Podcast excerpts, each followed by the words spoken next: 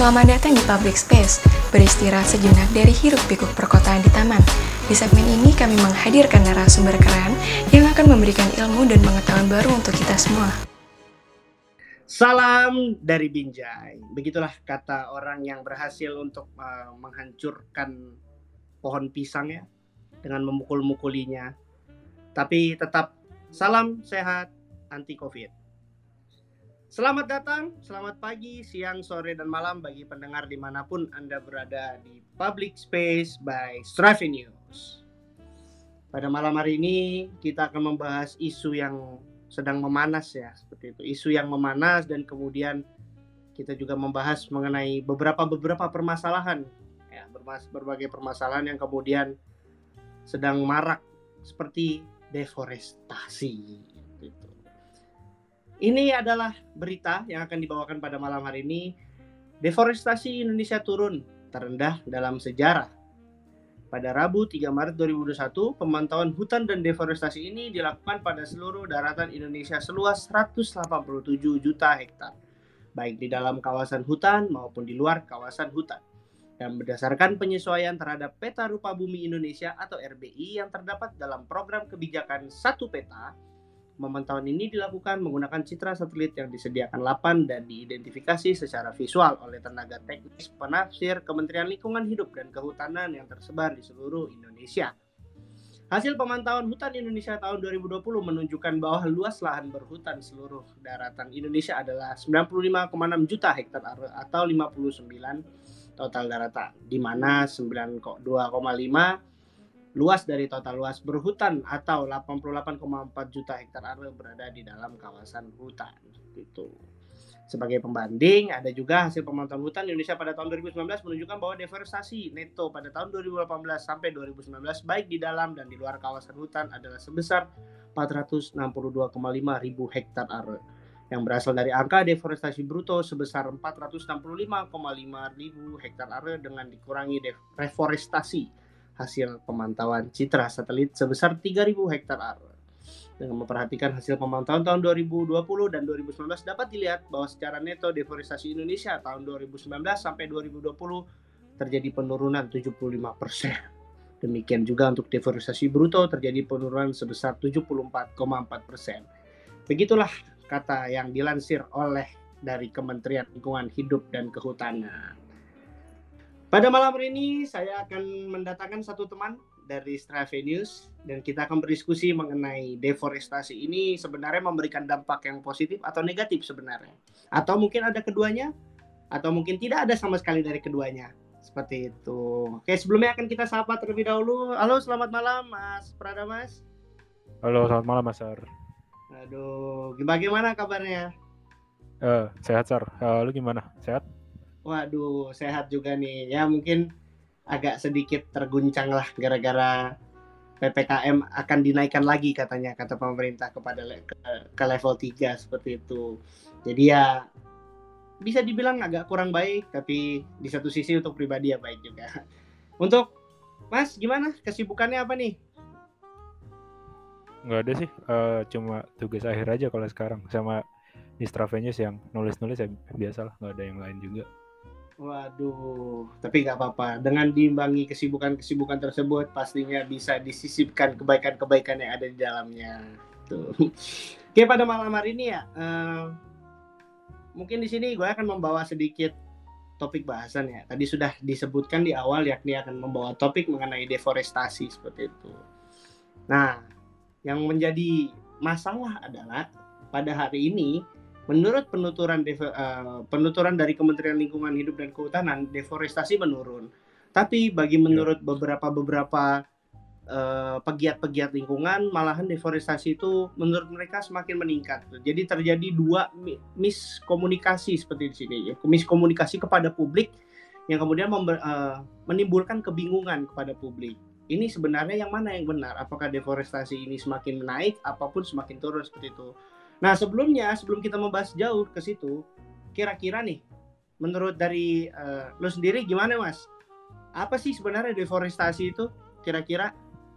Kalau ya, dari namanya kan udah kelihatan jelas tuh, deforest. Forest kan hutan, berarti deforestasi berarti pembebasan lahan buat apa? hutan itu dibebaskan jadi lahan yang bakal digunakan buat manusia mis atau misal hutan itu yang tadinya lahan eh hutan lindung lahan lindung jadi lahan buat budidaya gitu sih. Hmm, nah berarti berarti bisa disimpulkan ya deforestasi adalah sebuah eh, kegiatan ya pengubahan area hutan menjadi lahan tidak berhutan secara permanen untuk aktivitas manusia. Atau yang bisa kita bilang secara nggak langsung deforestasi itu mengubah fungsi hutan yang awalnya untuk pelestarian lingkungan serta ekosistemnya menjadi kepentingan manusia. Ini sebenarnya dilihat dari definisinya saja gitu. Ini sangat tidak uh, pro sekali terhadap keberlanjutan lingkungan seperti itu. Yang di mana seharusnya kita sebagai manusia itu harus lebih menggalakkan reboisasi atau penghijauan kembali. Dan kemudian adanya kegiatan deforestasi ini seharusnya ya memberikan dampak jauh lebih buruk kalau menurut gue ya. Dan hmm. kemudian di sini ada berita nih. Ya yang berita kemudian dari salah satu pejabat kita seperti itu, yakni yang terhormat Menteri Lingkungan Hidup dan Kehutanan yakni Ibu Siti Nurbaya yang kemarin sempat mengkritik ya mengenai deforestasi ini. Kemudian dalam cuitannya di Twitter, ia menyebut ya pembangunan di bawah pemerintahan Jokowi tidak boleh dihentikan atas nama deforestasi. Dan kemudian dari Bu Siti ini mengatakan bahwa pesan Presiden sudah jelas, harus ada keseimbangan. Presiden Jokowi juga menekankan setiap kementerian dalam membangun apa pun harus memperhatikan lingkungan dan dampaknya. Kata beliau seperti itu. Kira-kira nih, tanggapan lo nih apa nih mengenai cuitan dari Ibu Siti ini? Uh, Oke, okay. jadi ini, ini menurut gua pribadi secara jujur banget nih gua bilang. Sebenarnya kalau misal kita ngeliat konteks di dalamnya itu, itu kayak fine fine aja sebenarnya pembangunan itu nggak boleh berhenti atas nama emisi karbon atau atas nama deforestasi. Tapi di sini yang menurut gua agak ironis itu yang ngomong itu Menteri LHK gitu. Satu. Seharusnya yang memberikan seharusnya memberikan uh, impact lebih besar mengenai uh, keberlanjutan lingkungan seharusnya beliau seperti itu ya. Iya, dan ya agak ironis aja makanya yang ngomong ini Menteri LHK kata kata gue sih gitu. Walaupun di sini oke okay, tadi lo bilang apa data-data deforestasi itu menurun ya. Gue mau nanggepin yang di awal dulu sebenarnya. Dan faktanya kalau misal dilihat dari data global nih gue nemu dari BBC dari Global Forest Watch itu deforestasi dari tahun 2016 sampai 2020 itu terus menurun sebenarnya data yang di sini. Walaupun 2015 itu tingginya tinggi tinggi banget. Di sini di atas 800 ribu hektar. Ini data yang gue dapat deforestasi dari tahun 2000 sampai 2020 Indonesia nyaris kehilangan 10 juta hektar. Yang ironis yang ironisnya lagi pas Ibu Siti Nurbaya ngomong kayak gitu, itu Malang Malang Batu langsung banjir dan belum lama juga itu di Kalimantan apa uh, Kabupaten Sintang itu banjir lebih dari sebulan dan belum surut juga. Kayak ketika ngomong gitu tuh langsung dikasih bukti nyatanya gitu loh. Jadi memang ada timbal balik secara langsung ya. Jadi istilahnya itu Instant lingkungan ini memberikan memberikan balasannya kayak gitulah ya. Instan karma. Waduh, kalau begitu membahaya. Tapi ini ya kalau misalkan uh, bisa kita lihat dari penyebab-penyebabnya sebenarnya apa sih yang menyebabkan kegiatan deforestasi ini? Tapi kalau misalkan memang dilihat ya dari beberapa beberapa sumber yang kemudian uh, bisa dikatakan sebagai penyebab utama dari kegiatan deforestasi itu yang pertama itu ya adanya perkebunan skala besar. Yang mana perkebunan Biasanya skala sawit. besar. Iya, ada sawit dan mungkin ya bisa kita bilang nggak hanya sawit sih, tapi ada produk lain dalam skala besar ya. Dan iya. juga umum ya, umumnya itu ya deforestasi dilakukan penggunaan hutan melalui penebangan secara masif. Beberapa cara yang cukup ekstrim adalah melakukan pembakaran hutan agar proses deforestasi bisa berjalan dengan cepat. Nah ini sebenarnya cara cepat, namun sebenarnya kalau secara kita bilang secara etis dan moral ini sebenarnya tidak etis ya seperti itu. Yang di mana kalau misalkan kita melakukan, uh, kalau misalkan kita istilahnya kalau negara kita punya dom ya, ataupun kita negara kita tuh punya semacam barrier, kalau kita bakar sendiri, asapnya kita rasakan sendiri itu tidak apa-apa. Tapi asapnya sampai negara lain, sampai sampai negara lain itu membuat citra Indonesia semakin buruk. Nah itu yang pertama tuh ya Yang kedua, ternyata perkebunan skala kecil itu juga bisa menyebabkan deforestasi loh. Nah, ini biasanya ini dijalankan oleh masyarakat atau sekelompok orang yang hidup di sekitar hutan tersebut.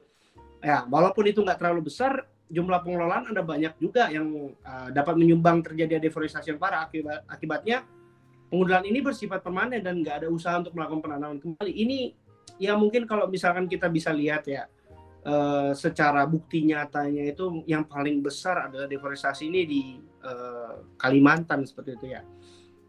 Iya nggak sih? Iya, ya karena dia hutannya juga paling gede. Nah, hutannya juga paling luas.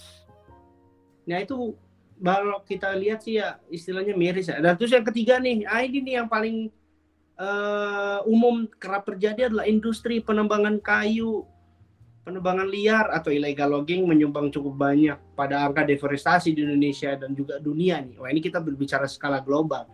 Industri penebangan hutan secara liar ini ya menyebabkan kawasan konservasi yang menyusut perlahan-lahan, apalagi di area itu juga dibangun pabrik pengolahan kayu, yang di mana pengunduran akan berjalan semakin cepat dan permanen seperti itu.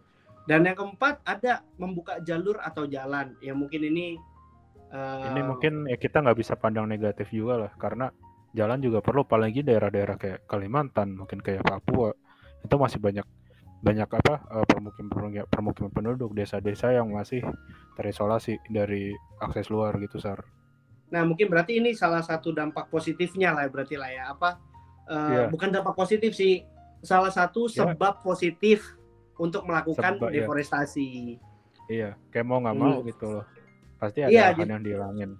Nah benar benar benar ternyata masih ada lagi nih. Yaitu pertambangan pertambangan. Ya di mana hutan itu kan punya ya komoditas tambang yang cukup banyak dan rawan rawan terjadi kerusakan ya. Proses uh, pengundulan yang dilakukan untuk memudahkan proses industri pertambangan berjalan lancar. Belum lagi industri ini juga akan membuka jalan untuk memudahkan proses penyaluran bahan tambang. Jadi memang harus ada sedikit yang kita uh, kita korbankan ya. Jadi kita mengorbankan sedikit hutan untuk melakukan uh, kegiatan pertambangan. Tapi yang sangat um, istilahnya bisa kita katakan sebagai uh, miris ya. Ternyata banyak juga uh, kegiatan pertambangan-pertambangan nggak hanya satu dua, ya bisa lebih dari itu ya. Yang kemudian bisa menyebabkan hutan kita ini semakin uh, apa semakin menipis seperti itu ya. ya. Katanya sih Kalimantan itu juga salah satu dari paru-paru dunia ya tapi sekarang ini kalau misalkan semakin digunduli semakin tidak apa tidak dilakukannya adanya reboisasi itu ya pasti menurut menurut ya. sih bakal rusak sih dan apalagi juga kali apa ya Kalimantan tuh kan calon ibu kota kan Kaltim itu mm. di penajam pasir ya otomatis deforestasi deforestasinya bakal makin nambah dong terutama di daerah itu karena itu bakal jadi kota bakal jadi kota definitely. Nah, berarti otomatis ya seharusnya makin menipis dong. Apalagi sekarang ya seperti yang tadi dibilang apalagi Kalimantan sekarang udah mau dijadikan pusat uh, kegiatan ibu kota seperti itu kan ya? Iya. Aduh. Nah terus kemudian terus nih tadi eh sorry sorry. Apa apa?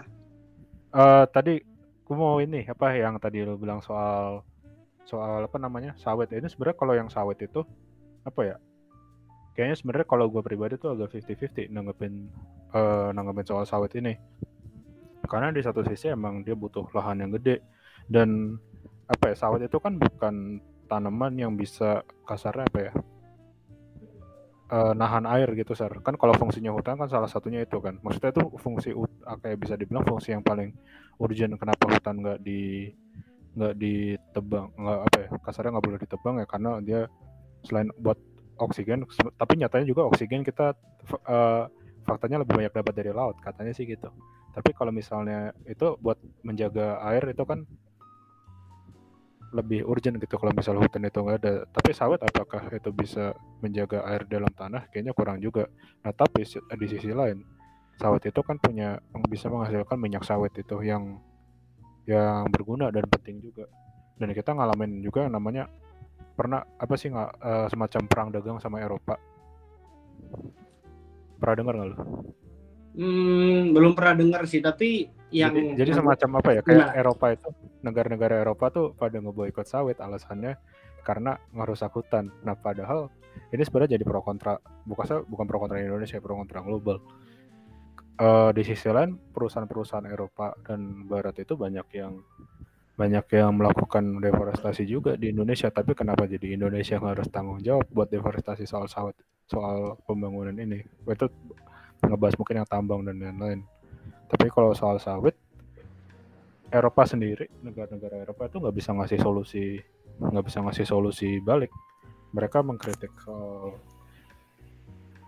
uh, soal keberadaan sawit itu tapi mereka menawarkan solusi itu biji dari kalau biji bunga matahari atau apa dan nyatanya itu butuh lahan yang jauh lebih luas.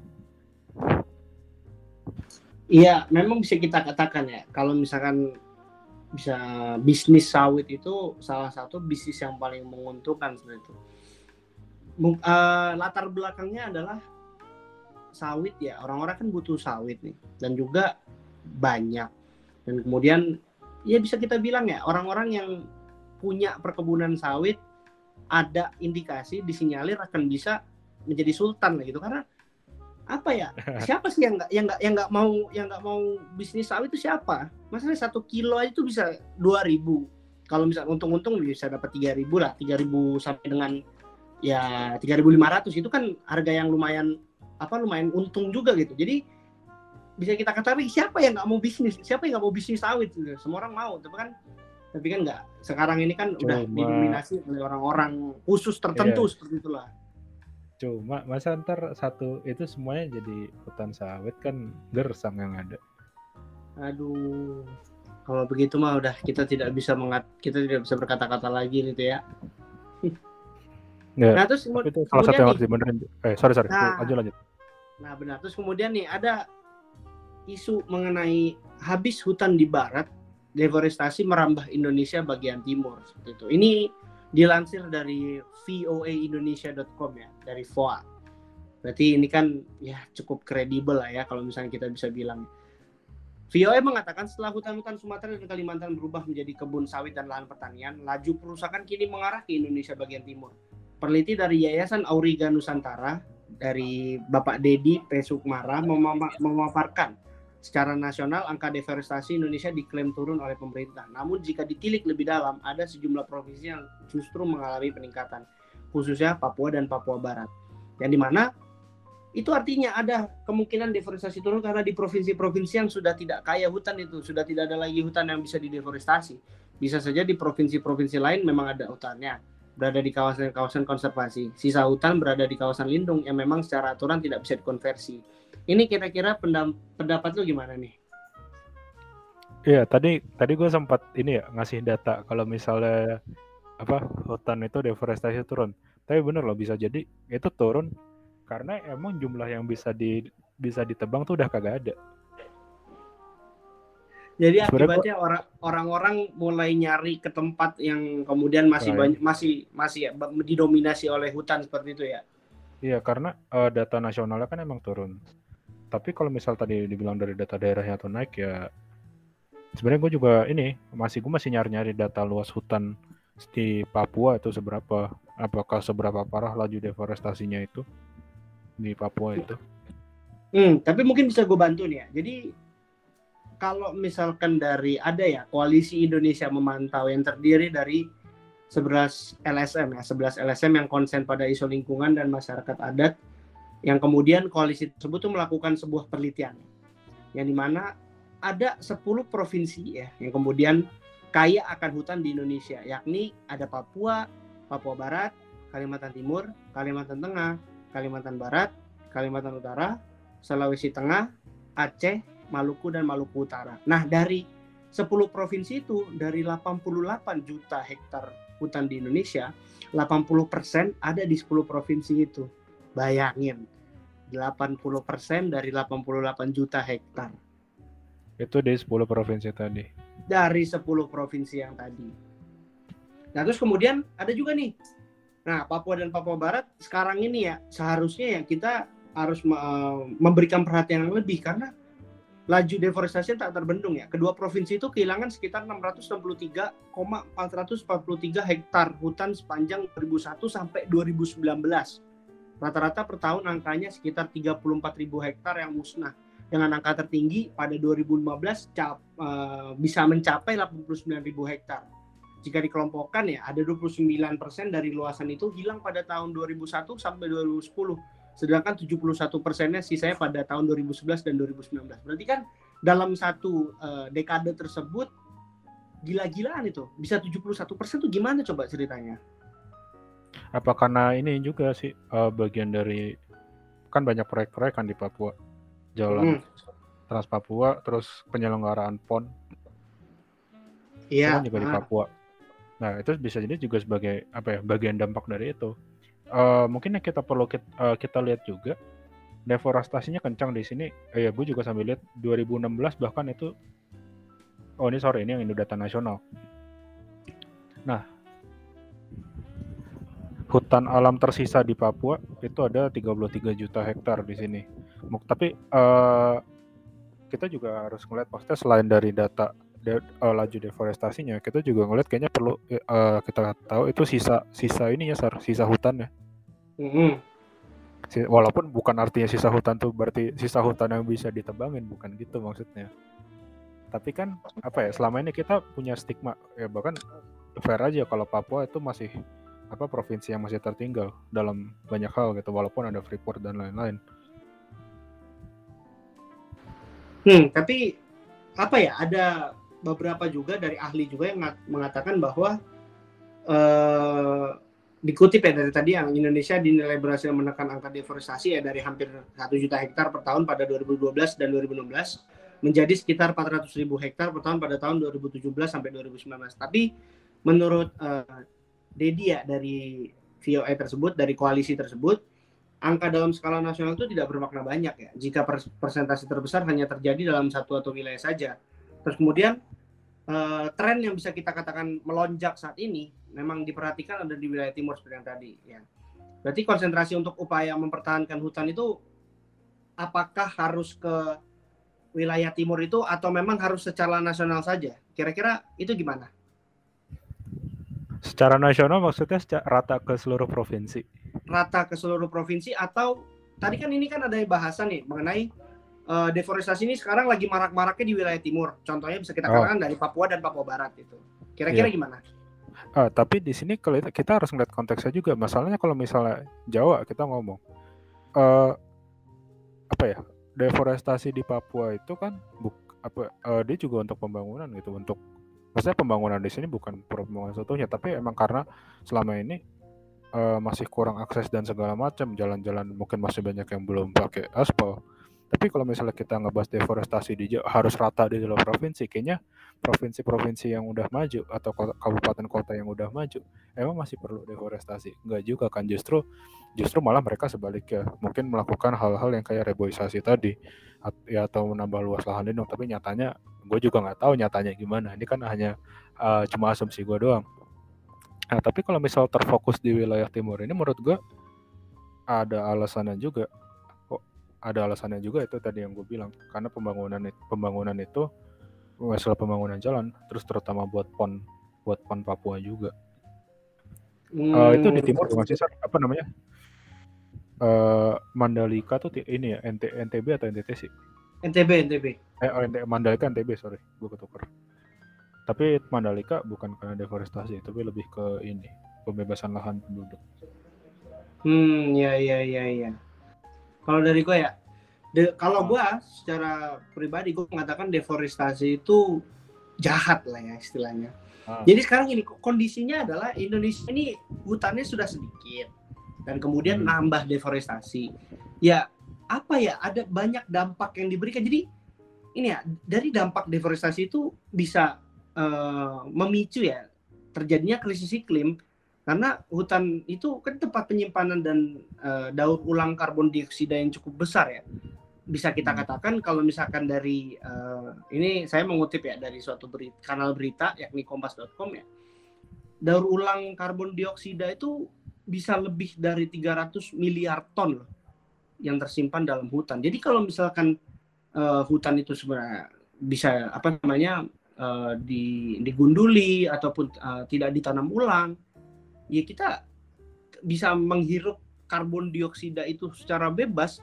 Jadi dampaknya itu memang kita rasakan sekarang ini kecil, tapi di masa depan apakah uh, anak cucu kita akan merasakan apa yang kita rasakan sekarang seperti itu. Misalkan kita sekarang bisa merasakan O2 oksigen yang sangat uh, jernih lah sekarang. Bisa kita katakan 10 tahun, 2 tahun, 20 tahun lagi apakah tetap sama seperti itu? Itu kan pertanyaannya. Kalau saya sih iya, tetap iya. tidak sepakat ya, mau atas nama apa pun itu, mau atas nama pembangunan, mau atas nama apa, saya tidak sepakat. Hmm, kalau, tapi oh ya kalau kalau lanjut. Saya sepakat kalau memang ketika adanya pembangunan contoh misalkan eh, dalam suatu dalam satu wilayah tersebut misalkan dibangun sebuah jalan tol seperti itu. Entah misalkan nanti jalan tolnya tetap ditanami apa kayak pohon-pohon misalkan kayak tetap berestetika ataupun pohon yang memiliki fungsi tapi tetap bentuknya bagus ya itu nggak masalah. Saya sepakat akan deforestasi tapi kalau misalkan memang misalkan uh, adanya pembangunan terus kemudian dibiarkan begitu aja adanya pabrik-pabrik terus kemudian tidak ada uh, responsibility ataupun tanggung jawab terhadap uh, yang yang dia lakukan pembangunan yang dia lakukan ya itu saya tidak sepakat seperti itu. Sama aja merusak itu. Ya soal pembahasan gas karbon itu kan memang banyak dibahas terutama uh, apalagi kemarin baru itu apa namanya yang di Skotlandia COP COP26 konferensi tingkat global itu. Hmm. uh, mungkin hutan bisa jadi salah satunya tapi kalau misal kita ngebahas daur karbon, maksudnya uh, pertukaran antara oksigen sama karbon dioksida itu faktanya ternyata lebih banyak di laut sama plankton, bukan sama hutan itu sekitar beberapa persen lah gue lupa. Jadi uh, maksudnya untuk sekadar pernapasan manusia itu nggak bukan hal yang seberbahaya itu. Tapi concern kalau deforestasi ini adalah lebih ke ini apa namanya pemanasan global, lebih ke pemanasan global ya, bukan ke yang karbon apa oksigen berkurang. Nah, itu gue hmm. setuju sama lo bagian itu. Nah, tapi di sini juga yang itu yang apa ya nggak bisa semata-mata langsung anti semuanya karena mereka apa Papua itu juga butuh butuh pembangunan dan itu emang udah dikenc udah hal yang gencar banget sama Pak Jokowi sejak pertama kali beliau ngejabat kan ngebangun hmm. dari timur Indonesia Timur itu tapi mungkin di satu sisi ya, kalau misalkan memang ada pandangan mengenai uh, karbon dioksida yang kemudian dia didaur ulang uh, bukan be, apa bukan didominasi oleh hutan, kemudian ada juga sebenarnya dampak-dampak lain yang bisa ditimbulkan, misalkan uh, satwa-satwa liar yang kemudian uh, iya. ya rumahnya satwa liar itu ya kayak hilang gitu, mereka mau tinggal di mana, terus kemudian satwa endemik yang mungkin gampang punah gitu ya gara-gara rumahnya tuh nggak ada lagi. Terus kemudian uh, ada juga ya daerah resapan air tuh bisa hilang karena nggak ada hutan ya kan terus kemudian air hujan yang akan turun langsung mengalir ke permukaan dan menyebabkan erosi ya nah itu yang kemarin kejadian di Malang. Malang Raya itulah. Ya bisa kita air, lihat. air, kan iya dan dampaknya Harus. yang ngerasain juga manusia maksudnya juga penduduk sekitarnya yang ngerasain. Nah iya. contoh tadi lo bilang yang apa uh, hewan. Kalau misalnya hewannya buas itu apa harimau contohnya. Kan sering ada kasus harimau itu masuk ke permukiman penduduk. Ya kalau misalnya ngebebasin lahannya besar-besaran mereka kehilangan habitat ya yang apa ya yang kena ke lu tuh nggak cuma dampak gak langsung misal banjir dan segala macam itu harimau juga bisa menerkam anda gitu. Iya maksudnya tetap aja walaupun uh, kita kan harus menjaga ini ya apa namanya keanekaragaman hayati ya yang kemudian uh, sekarang ini banyak hewan-hewan yang kemudian sudah mendekati punah seperti itu. Dan kemudian ya kita juga masih punya kok satwa-satwa yang kemudian masih dilindungi. Hingga sekarang contohnya misalkan kita bisa bilang uh, burung cendrawasih seperti itu. Nah itu kan bayangin aja ketika misalkan kita uh, ataupun hewan-hewan lainnya lah yang kemudian tidak ter, tidak tergolong ataupun tidak termasuk dalam cakupan uh, hutan lindung seperti itu. Kan pasti ada tuh hewan-hewan lainnya. Ketika memang dilakukan uh, ketika dilakukannya pengundul, pengundulan uh, pengundulan hutan ataupun pembalakan liar seperti itu ya lantas apa yang mau kita uh, jaga seperti itu jadi kan kasihan juga mereka kan juga makhluk hidup punya punya hak untuk hidup seperti itu tidak hanya manusia itu sih menurut ya. pendapat gue sih gitu sih ya setuju gue yang bagian itu setuju tapi nah, jadi tetap apa harus seimbang berarti keduanya. Bukan artinya pembangunan tuh kita hentikan gitu loh. Karena populasi manusia populasi manusia juga bertambah kan. Nah, nah tadi kan udah kita bahas nih, udah kita bahas luar dalam mengenai dampak, terus kemudian mulai dari definisi asal, misalnya kayak deforestasi itu apa, terus kemudian dampak yang diberikan, penyebabnya apa, gitu. Nah, terus kemudian kita nih sebagai anak muda nih ya, istilahnya anak muda ya, anak muda yang uh, peduli terhadap perubahan lingkungan seperti itu, seperti agent of change gitu ya, agen perubahan. Nah, kita nih harus bahas nih solusi-solusi yang ditawarkan seperti itu. Solusi Waduh. apa sih?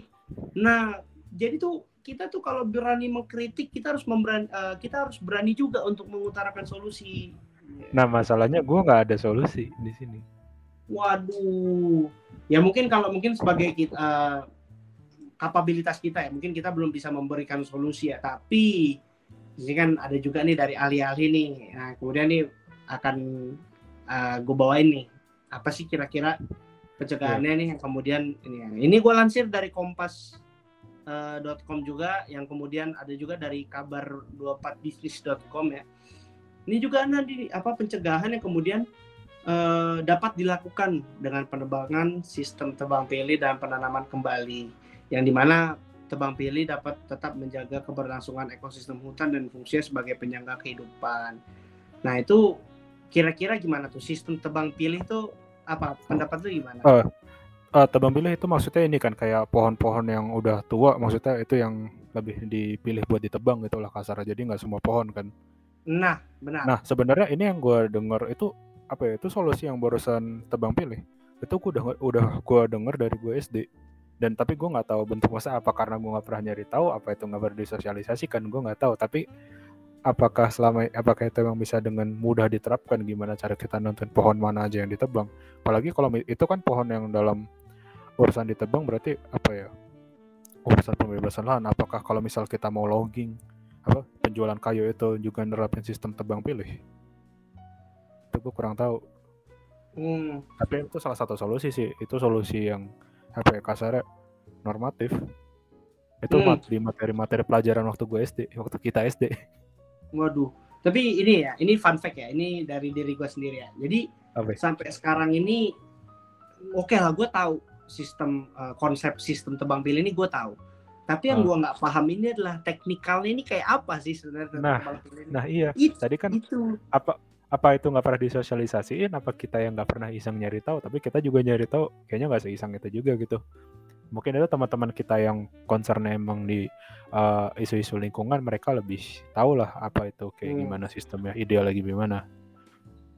Nah ini ini ini mungkin dari eh, dari pendapat gue ya. Mungkin siapa pun yang mendengar ini mendengar podcast ini entah dari teman-teman Kementerian Lingkup eh, lingkungan hidup dan kehutanan ataupun dari teman-teman yang memiliki eh, concern di bagian lingkungan hidup dan kehutanan ataupun pegiat-pegiat lingkungan lainnya mungkin bisa mengkoreksi ya dan kemudian me- dari tebang pilih ini gue berpendapat seperti ini. Misalkan ya dalam misalkan di suatu perusahaan A ingin membuat suatu bangunan seperti itu. Bangunan itu kan bentukannya ya kita bisa bilang kotak atau berbentuk kawasan lah seperti itu. Kan Hmm. itu eh, pasti kan nggak mungkin ada satu gedung ini di sini. Jadi gedungnya bisa-bisa itu kan nggak mungkin tapi kan Iya. yang mereka butuh itu kan penggundulan itu kan berupa kawasan nih. Kalau misalkan tebang pilih misalkan nih dalam satu kawasan ada lima pohon yang bisa ditebang contohnya seperti itu. Dan kemudian ada lima pohon juga yang nggak bisa ditebang karena dia masih belum sesuai dengan kriteria. Berarti kan lima pohon ini kan masih tersisa di situ. Berarti kan dia bukan jadi eh,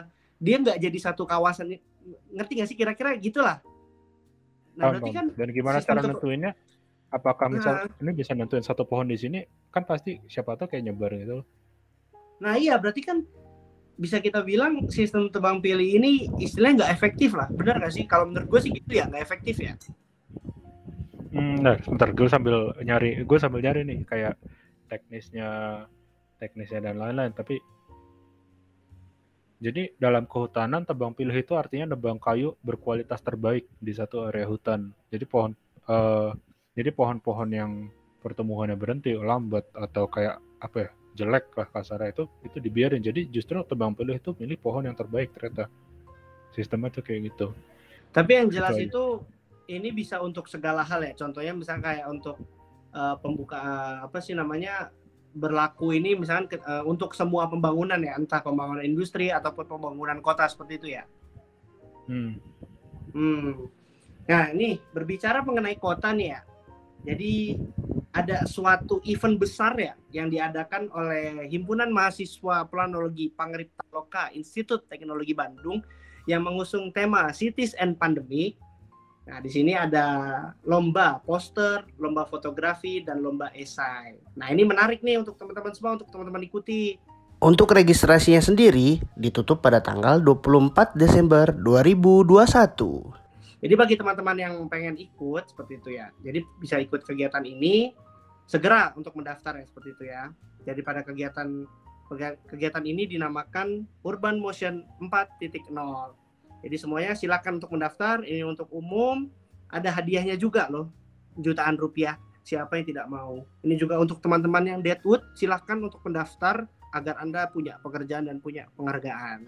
Nah, sama ini hadiahnya selain tadi yang dapat duit juga nih buat yang uh, terutama buat yang tadi kan ada tiga lomba nih, yang terutama yang lomba esai itu 60 karya terbaik bakal diundang untuk ikut dalam summit nasional. Jadi summit itu acara eksklusif cuma buat 60 uh, 60 besar karya terbaik itu terus ada workshop sama ada sesi presentasi juga mungkin bisa ini buat uh, nambah-nambah prestasi di CV-nya atau di atau di LinkedIn-nya mungkin bisa pamer gitu kalau menang siapa tahu.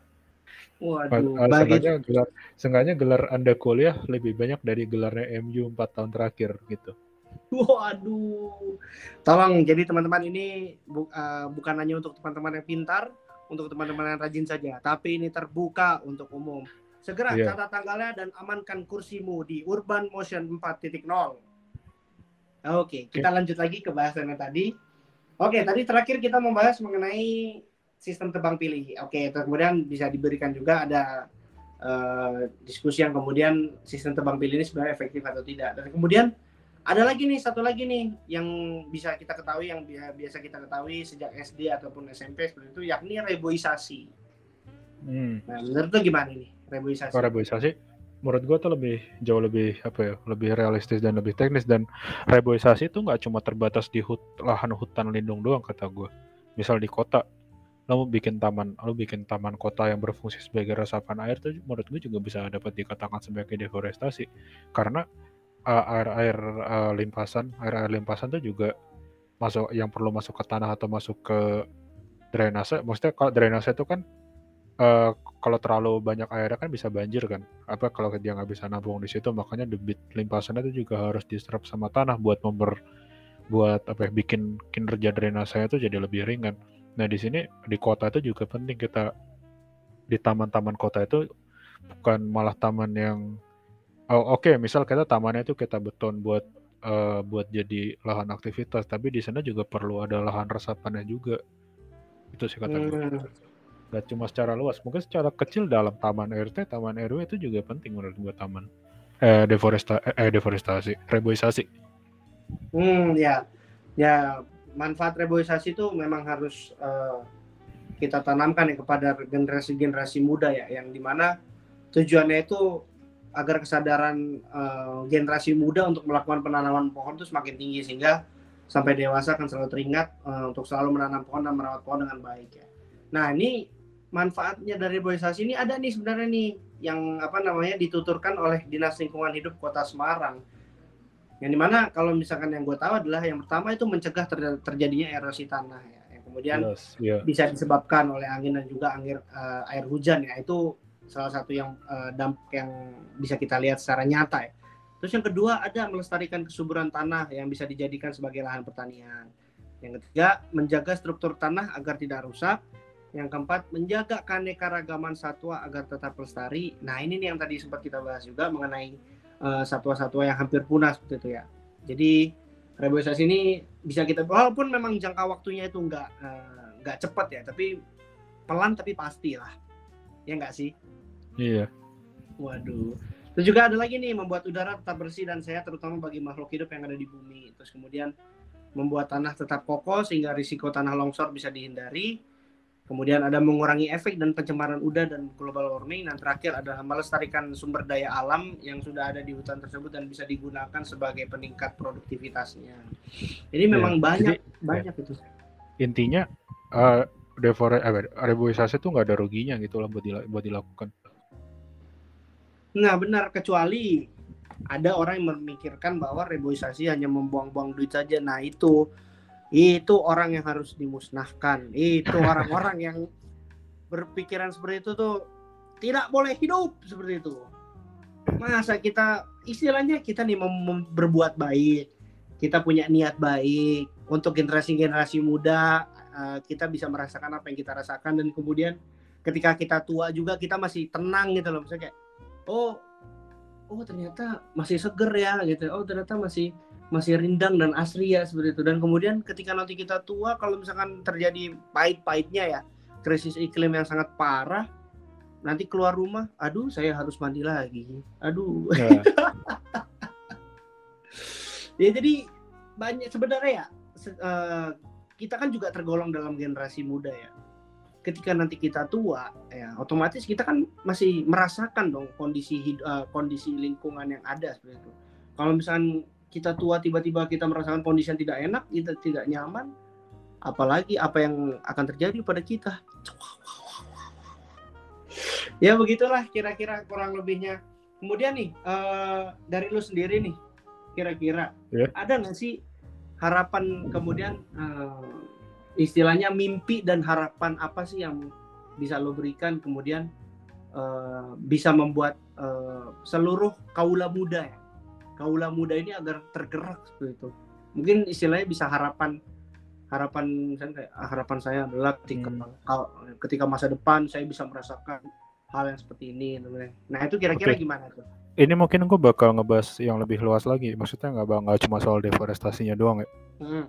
Harapan gue nggak nggak terbatas di deforestasi, nggak terbahas nggak terbatas di terkait kehutanan-kehutanan, tapi juga eh, seluruh aspek-aspek apa ya yang kita lakukan itu semoga bisa lebih zero carbon. Walaupun itu kayaknya bakal susah banget buat zero carbon karena kita nafas juga keluar CO2. Tapi apa ya? eh, terutama nih masalah concern soal energi terbarukan. Nah di sini eh, walaupun sekarang pelan-pelan pemerintah ngarah ke sana, tapi kan eh, masih banyak langkah yang harus ditempuh dan gue gue sih sangat mendukung dari eh, energi terbaru energi energi terbarukan itu walaupun walaupun itu eh, walaupun beberapa sumber energi itu butuh lahan yang gede. Bisa jadi malah deforestasi baru. Contohnya sel surya itu kan butuh lahan yang luas. Takutnya malah ada deforestasi baru. Nah tapi nah di sini gua soal teknis-teknisnya nih gue udah gue udah nggak paham lagi. Tapi itu harapan gua sih. Dan semoga anak-anak apa ya, eh, orang-orang sumuran kita nih yang umur eh, belasan sampai 20-an itu ketika udah jadi menteri nanti atau jadi petinggi-petinggi pejabat itu idealismenya dipertahankan. Jangan oportunis dan jangan melihat hal-hal dari untung dan mana aja yang bisa menghasilkan duit. Terutama kalau misalnya yang yang anda kerjakan itu yang lo kerjakan itu berhubungan sama orang banyak. Nggak cuma orang bahkan sama hewan sama tumbuhan juga. Gitu sih Hmm, iya iya. Kalau dari gue sih, gue punya harapan. Eh, tolonglah bagi orang-orang yang memiliki jabatan, orang-orang yang memiliki uang. Harapan gue adalah, eh, tolonglah eh, punyalah hati nurani, kemudian untuk untuk bergerak yang kemudian membenar eh, membenarkan lingkungan kita se- seperti sedia kala. Kasihan generasi muda. Jadi tidak hanya generasi muda saja yang harus bergerak, harus ada kesinambungan antara uh, pemegang kekuasaan dan juga orang istilahnya orang yang berkuasa lah dan juga mungkin ada Ya. juga orang-orang yang punya duit seperti itu. Jadi harapannya semoga kita bisa saling berkolaborasi untuk uh, keberlanjutan lingkungan yang lebih baik seperti itu. Kira-kira nih dari lo sendiri, lo ada ini nggak ada closing statement nggak kira-kira yang mau lo kasih kepada uh, orang-orang semua? Mungkin nggak banyak, cuman satu dua kalimat aja gitu kira-kira. Eh, ini nyambung ke harapan aja deh closing statement gue berarti harapan juga nggak apa-apa ya Iya nggak masalah, Kalau- boleh boleh. ya ini semoga bisa le- lebih seimbang antara antara pembangunan dan antara lingkungan. Gua sepakat. Uh, nggak ada yang dirugi nggak ada yang dirugikan soal walaupun ya kayaknya adil juga bakal mau adil satu persen juga bakal susah sih apalagi penduduknya hmm. itu juga nambah terus. Itu itu aja. Oke kalau begitu. Mungkin terima kasih uh, Mas Prada ya atas waktunya ya. Apa ini hari ini diskusi malam ini sangat uh, baik sekali ya. Jadi kita saling memberikan insight ya saling memberikan insight yang di mana sebenarnya deforestasi ini bagus apa enggak sih sebenarnya? Ataupun dampak-dampaknya ini apa aja sih? Terus kemudian tindakan pencegahan yang dapat dilakukan apa? Dan kemudian diakhiri oleh harapan-harapan yang kemudian diberikan oleh uh, kita berdua sendiri ya untuk masa depan seperti apa gitu ya mungkin sekali lagi saya ucapkan terima kasih mas sudah oh, datang uh, sama-sama Sar terima, kasih juga tadi uh, diskusinya tukar pikiran ya jadi mungkin seperti itulah teman-teman pendengar podcast Public Space by Stravi News jangan lupa untuk klik like dan subscribe juga. Oh, tidak bisa subscribe. Ini bukan YouTube ya. follow, follow. Lupa, ini bukan YouTube. Kalau YouTube klik like dan like dan subscribe. Ini juga bisa di-share kepada teman-teman semua. Jadi yang mendengar itu tidak hanya sedikit orang saja. Mungkin teman-teman bisa uh, membagikan podcast ini kepada teman-teman semua.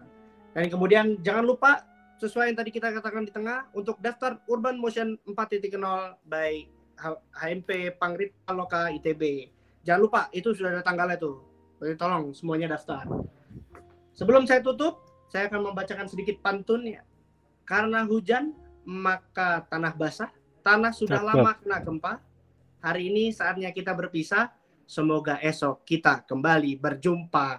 Sampai ketemu lagi teman-teman semua di Public Space by Stravinio. Saya ucapkan selamat malam dan selamat beristirahat. Ciao.